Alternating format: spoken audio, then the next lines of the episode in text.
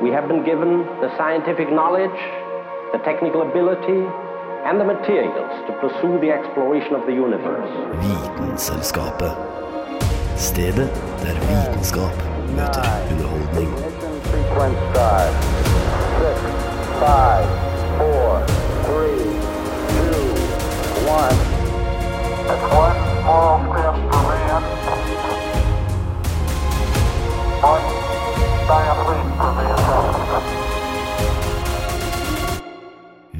Vitenselskapet. På Radio Nova. Elsket av noen, hatet av andre. På sitt beste, hvit og glitrende. På sitt vanlige, slafsete og jævlig. Jeg snakker selvfølgelig om vinteren. Heldigvis så går jeg ikke inn i denne tiden aleine. Jeg har nemlig med meg Carl Adams Kvam i studio. Og Carl, hva syns du om vinteren, egentlig? Eh, jeg syns den er fin sånn to uker rundt jul, men ellers så kunne jeg klart meg ut da. Vi skal jo snakke om vinteren i dag, og da sveiper vi innom temaer som avskyelige snømonstre, vinterdepresjon og snøkrystaller. Og så tenkte jeg vi skulle undersøke litt nærmere hvorfor ballongselgere kanskje har en grunn til å mislike vinteren, eh, i hvert fall om den blir skikkelig, skikkelig kald. Mitt navn er Kristin Grydland, og du hører på Vitenselskapet. Vitenselskapet.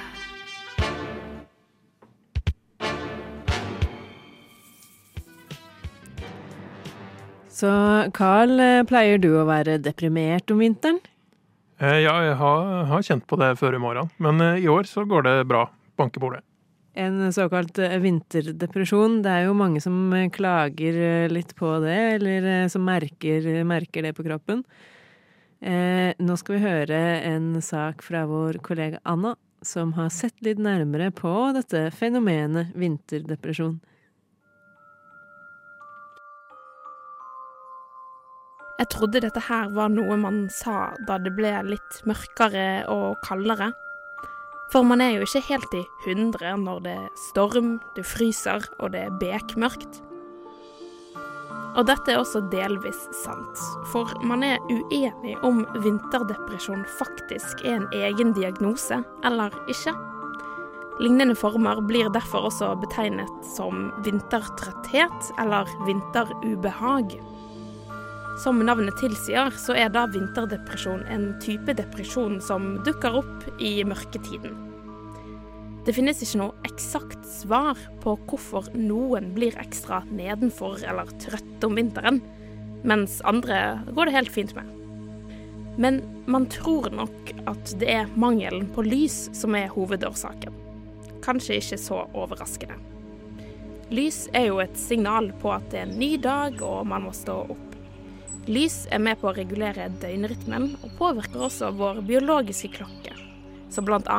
bestemmer når du skal sove og når du skal være våken. Hormonet melatonin, som befinner seg i hjernen vår, er relatert til søvn, og også med på å regulere døgnrytmen. Dette hormonet er lysømfintlig, som betyr at når du får lys på netthinnen, så vil produksjonen av dette hormonet stoppe opp. Når det er mørkt derimot, så skiller hjernen ut mer melatonin, og du blir trøtt. Så når dagene blir kortere og nettene lengre, vil det altså skilles ut mer melatonin, som igjen kan forstyrre døgnrytmen vår, og vi blir trøtt. Men trøtt er jo ikke det samme som å være deprimert, så det må jo være noe mer her. Det er et annet stoff som kanskje kan svare på dette, nemlig serotonin.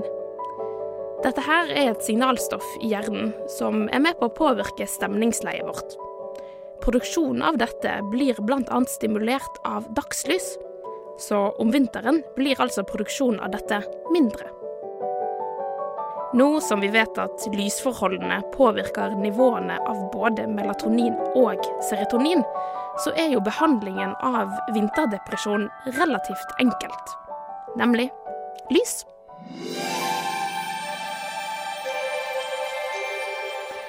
Behandlingen går faktisk ut på at du skal sitte foran en lyslampe som stråler ut kunstig dagslys. Og da er det snakk om 30 minutter daglig i 1 til to uker. Og mange opplever faktisk forbedring av symptomene.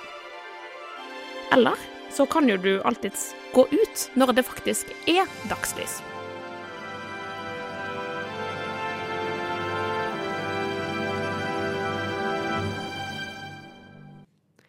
Sesongbetont depressiv lidelse, eller vinterdepresjon, er faktisk en egen medisinsk diagnose i de internasjonale diagnoselistene. For at du skal få diagnosen, så må du ha tilbakevendende episoder som starter og bedrer seg til omtrent samme tid i minst tre år. Denne saken ble laga av Anna Vik Rødseth. Å vite vet Vitenselskapet.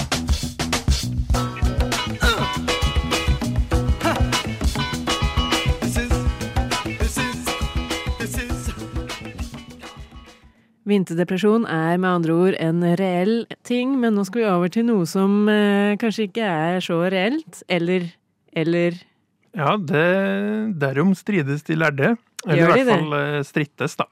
Nei, for å skal over til en eh, ting som hører vinteren til. Sjomenn, eller snømenn. Eh, og da den avskyelige typen. Fordi du har vel kanskje hørt om den avskyelige snømannen? Det har jeg. Eh, men jeg må si jeg tror ikke noe på det. Nei, du gjør kanskje ikke det. Ehm, for den som da ikke veit, så den avskyelige snømannen, eller yeti, eh, er en eh, diger skapning som visstnok lever i Himalaya-fjellene. Og det som er litt spesielt med den skapningen her, er at den er bipedal, altså at den går på to føt. Det er jo ikke så mange dyr som er, gjør det, annet enn oss menneskene.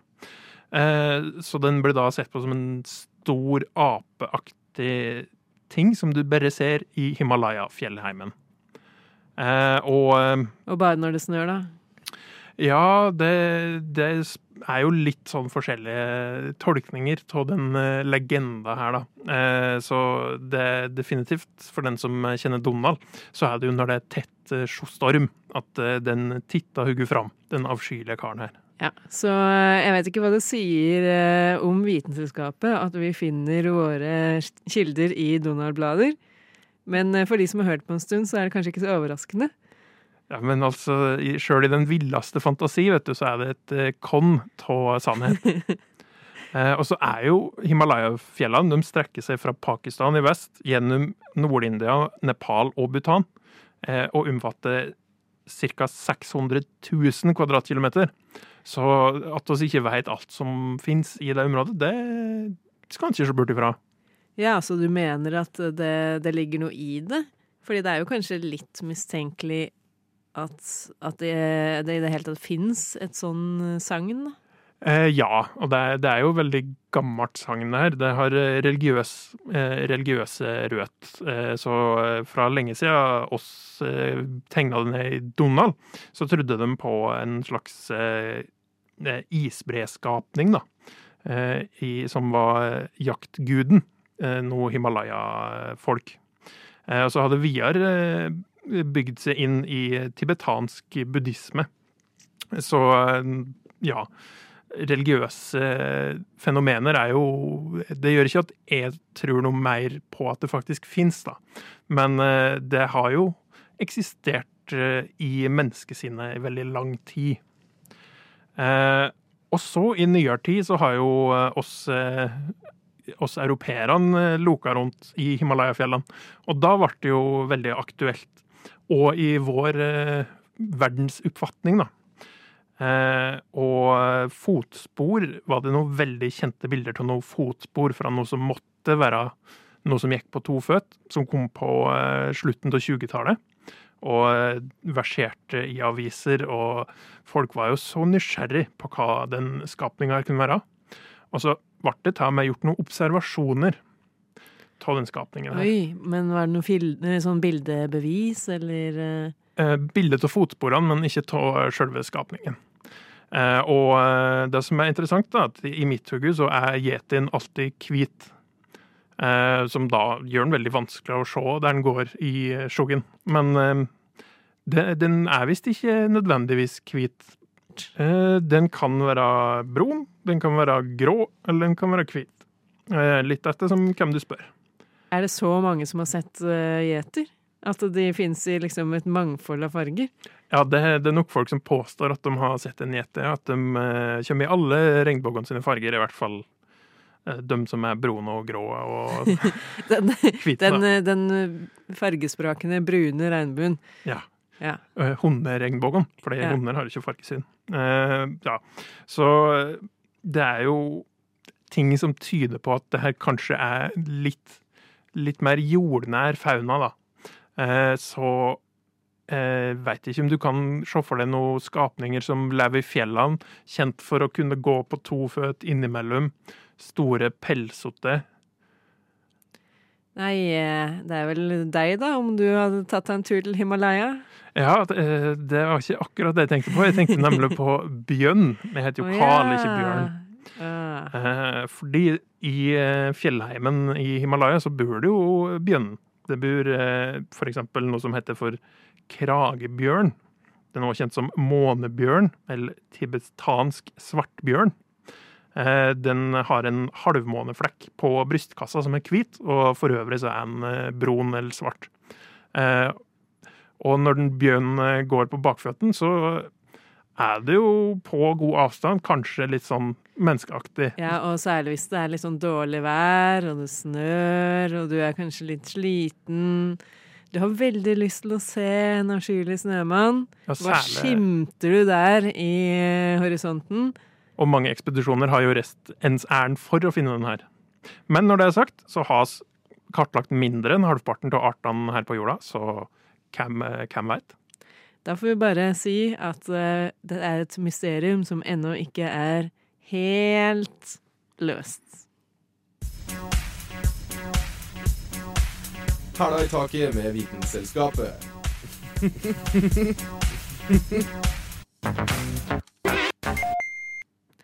Med vinteren så kommer det jo kulde, og det er jo faktisk dødelig i store doser, som det meste annet. Eh, derfor så har jeg vært i arkivet og funnet en sak som jeg har lagd for en tid tilbake, som handler om hypotermi. Du veit jo hva hypotermi er, Carl, ikke sant? Eh, Det høres eh, kaldt ut. Det Jeg syns ikke det høres så kaldt ut, men hvis man kan eh, latin, så gjør det vel det. Eller gresk. Jeg ble litt usikker. Et fremmedspråk i hvert fall. Men hypo er vel lite, og ter termi er vel eh, varme eller temperatur, da. Så hvis det er kaldt Jeg tror dere der hjemme skjønner hvor vi skal hen. Det handler nemlig om å fryse i hjel. Men enda viktigere hvordan du kan unngå å fryse i hjel. Visste du at for å måle temperaturen riktig på en person som er alvorlig nedkjølt, må man føre et termometer 10 cm inn i endetarmsåpningen? Men før du går hjem for å sjekke om termometeret ditt faktisk kan nå så langt inn i et menneskes kropp, er det kanskje greit å vite at de færreste termometrene folk har hjemme, går så langt ned i temperatur at det er spesielt nyttig å bruke tid på å måle dette uansett. Jeg har derfor laget en liten liste over ting du bør gjøre hvis du finner noen som er kraftig nedkjølt, og enda viktigere, hva du absolutt ikke under noen omstendigheter må finne på å gjøre. Så det finnes ulike alvorlighetsgrader av hypotermi, og dette avgjøres av hvilken kjernetemperatur kroppen har. De fleste vet at den ligger på ca. 37 grader celsius til vanlig, men hvis du har mild hypotermi, har den sunket til 35-32 grader. Hvis du ikke får målt kjernetemperaturen, kanskje pga. dette som jeg tidligere nevnte med termometeret, så kan du kjenne igjen mild hypotermi ved at personen skjelver, er blek og kald, har vondt i ledd eller hender, men er ved bevissthet, som er et veldig godt tegn. Det sier seg kanskje selv, men prøv å få personen inn i varmen eller kle på dem noe tørt. Hvis du ikke har et ekstra skift tilgjengelig, må du ikke ta av dem de våte klærne, for det kan gjøre situasjonen verre. Pakk dem heller inn i skjermene, våte klær og alt. Du kan eh, tappe i et varmt bad for dem hvis de er sterke nok til å klatre opp i badekaret, eller i det minste prøve å dele kroppsvarme med dem. Uh. Ok, sorry. Eh, hypotermi kan nemlig være veldig farlig. I hvert fall når man begynner å miste bevisstheten pga. kulda. Ved moderat hypotermi begynner kroppen å bli lunken innvendig, dvs. Si ned mot 28 grader. Man slutter å skjelve, begynner å snakke slørete, puste svakt og bli forvirra. Og det er en av grunnene til at hypotermi er så farlig, fordi mange blir så surrete at de er vanskelig for å tenke logisk, og dermed redde seg sjæl. Så flaks at du er der for å hjelpe dem, og at du har hørt nøye med på hvordan du kan redde liv. Å ringe 113 nå er f.eks. en god idé, mens du beskytter dem for vind og regn og pakker inn hodet deres så ikke mer varme forsvinner ut. Du kan gi dem varm drikke, men ikke under noen omstendigheter gi dem alkohol. Fylla er jo som kjent ikke så bra, men for folk med hypotermi er det virkelig ikke bra. Og så må du passe på å følge med på om de begynner å miste bevisstheten, for det tyder på at de har gått inn i alvorlig hypotermi, altså at temperaturen er under 28 grader. Og det er nå du virkelig skal trekke pusten dypt, si oh-oh, og bruke alle dine krefter på å sørge for at temperaturen går opp, ikke ned. Og det er også her det er veldig viktig at du unngår å gjøre to feil, som er veldig enkle å gjøre fordi de kanskje virker logiske, og det er slik de gjør det på film. Det ene er når en person er blitt så kald at hen er blitt bevisstløs, må du ikke prøve å varme dem opp med direkte varme. Du kan legge varme klær eller lignende på visse punkter, som f.eks. brystet, halsen eller skrittet, men ikke begynn å varme opp armer og bein. Grunnen til det er at da vil du sørge for at det kalde blodet i kroppsdelene går innover mot hjertet og de indre organene, og kjernetemperaturen vil bli enda lavere. Den andre tingen du ikke må gjøre, er å prøve å massere eller gni på personen. Faktisk bør du behandle dem veldig forsiktig, fordi det er stor fare for at hjertet deres skal stoppe. Og hjertekompresjoner det har vi dessverre ikke tid til å gå inn på i denne korte overlevelsesguiden.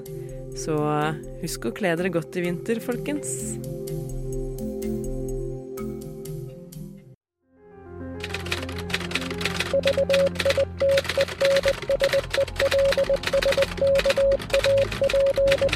Just want to tell you both good luck. We're all counting on you. И пусть посмеются над своими страстями.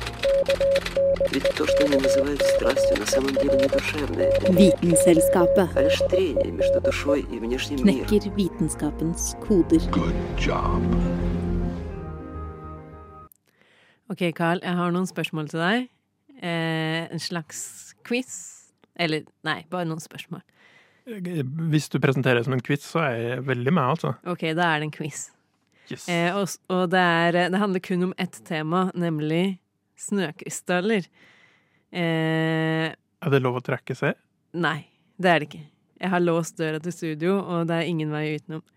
Så derfor så begynner jeg hardt. Hvor mange kanter har en snøkrystall? Eh, spørs på snøkrystallen. Nei, du må, nei, du må si et tall. Du, ikke, du kan ikke lure deg bort med sånne luresvar. OK, seks. Er du helt sikker? Nei. Nei, men eh, det burde, du burde sagt ja, fordi at det, det var helt riktig. Snøkrystaller er nemlig sekskanta. Det er i hvert fall eh, de fleste. Eh, og det er fordi at eh, snøkrystaller er en form for krystall. Det, det sier seg jo litt i ordet. Eh, og, og den er også basert på vann. Den eh, sekskanta krystallstrukturen, den er jo ikke så veldig uvanlig. Vi har det jo andre steder også, f.eks. bikuber osv. Men den samsvarer altså med molekylstrukturen til vann. Eh, Du var jo inne på at eh, det varierer litt på typen krystall.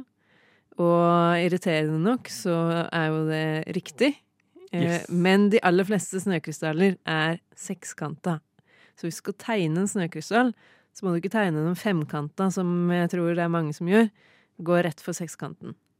Eh, men hvis det er høyere trykk, så kan den få en litt annen struktur. For eksempel så kan den også være firkanta, som er jo helt absurd. Ja, det høres ikke ut som noe sjokrystall som jeg noen gang har sett.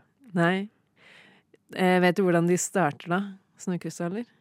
Eh, nei, du har uh, mamma Vatn og pappa eh, Kulde, som er veldig glad i den. Ja. Det, det er faktisk helt riktig. Uh, nå burde du ikke gå inn på noe mer grafiske ting enn det, tror jeg.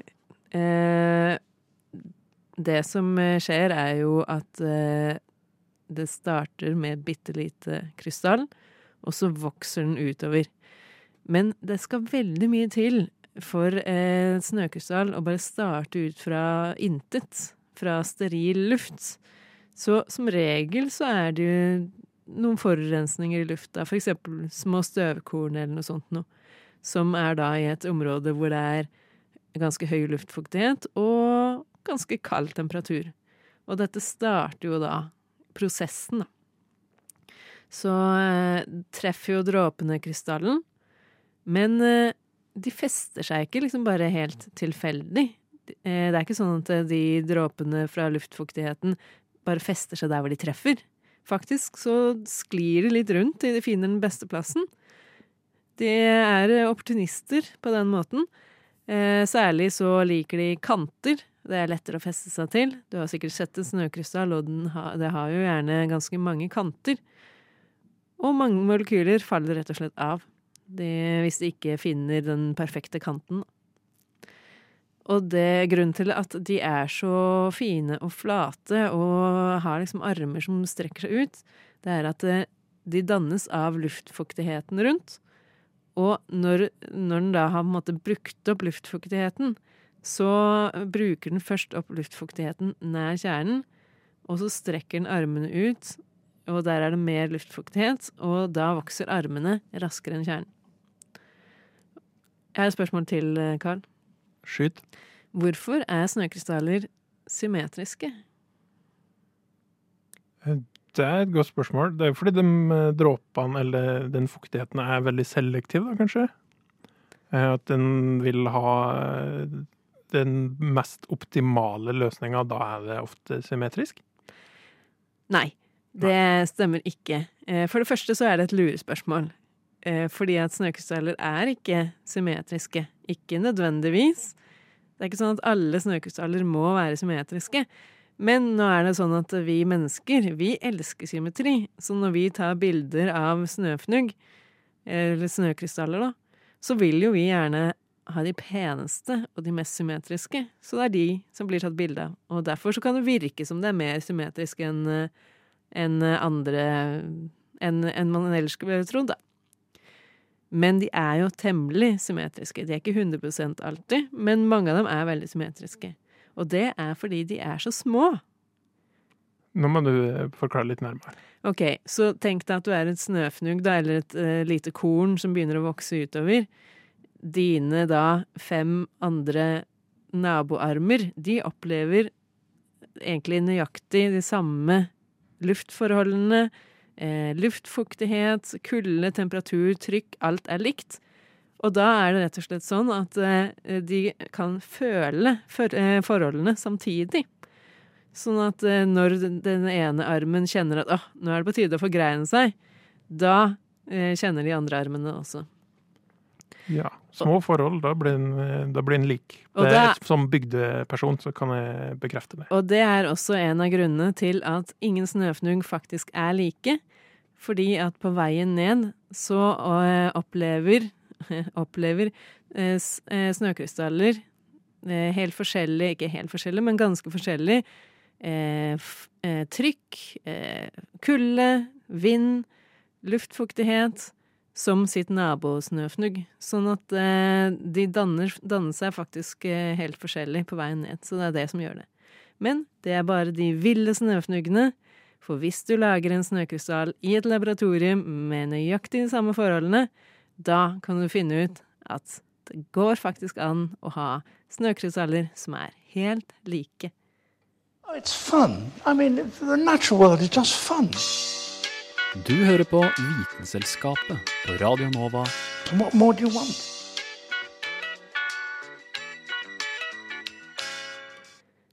Kloden blir som kjent varmere, og det er en eh, litt spesiell yrkesgruppe som eh, kanskje burde være happy for denne utviklinga. Jeg snakker selvfølgelig om ballongselgere. Hva ballonger og kulde har med hverandre å gjøre, skal vi få høre mer om nå. Jeg vil ha en stor ballong. en sånn derre fin ballong.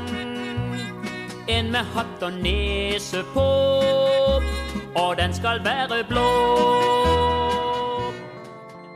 Jeg vil ha en blå ballong, synger Arne Bendiksen der han står på torget i Bergen og ønsker seg en stor og blå ballong. Denne sendinga handler riktignok verken om blå ballonger eller Bergen, men om kulde. Og vi skal prøve å svinge innom dette temaet nå.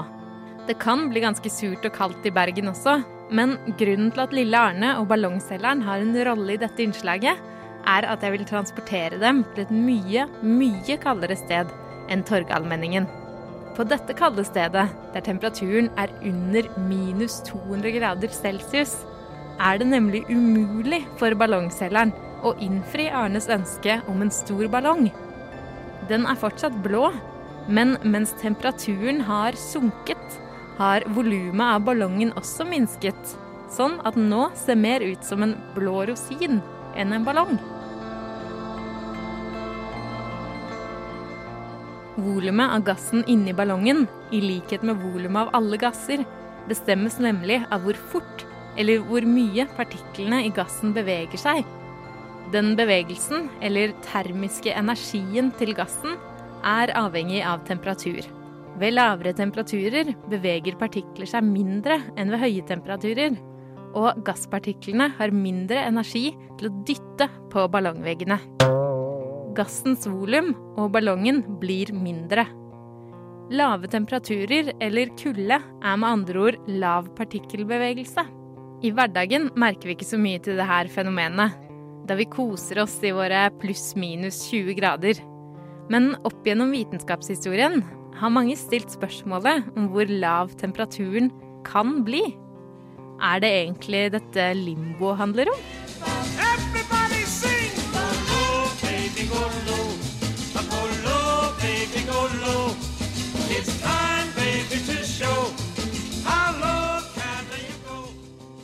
Chubby Checker, jeg skal gi deg svaret. Det finnes nemlig et absolutt nullpunkt. Dvs. Si et punkt der temperaturen ikke kan bli lavere. Dette punktet finner vi på minus 273,15 grader celsius, eller null kelvin. Og innen klassisk fysikk tilsvarer dette temperaturen der partiklene ikke lenger har noen energi. Partiklene er helt uten vibrasjon. Nå er det jo sjelden så enkelt innen fysikk. Kvantemekanikken forbyr nemlig denne type tilstand av nullenergi. I hvert fall sier Heisenbergs usikkerhetsprinsipp at vi ikke kan si at partiklene når noe annet enn sin laveste energitilstand, grunntilstanden. Altså må vi si om det absolutte nullpunkt at det er den temperaturen der partikler har veldig, veldig, veldig, veldig lav energi. De er i sin grunntilstand. Men finnes det noen steder der temperaturen er null kelvin? Altså absolutt nullpunkt? På dette stedet ville i så fall Arne Bendiksens blå ballong være fullstendig uten volum.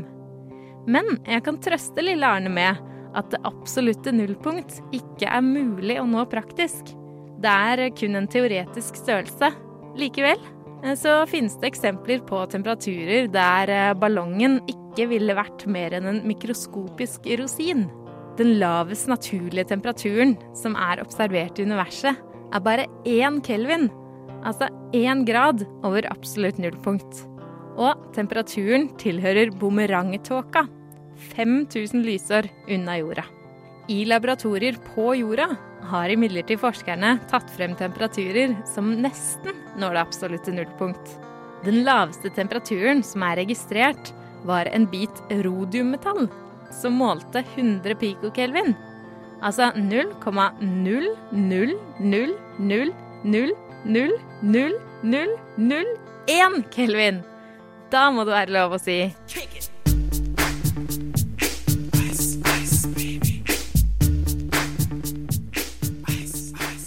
Det var Hanne Grydland som lagde den saken.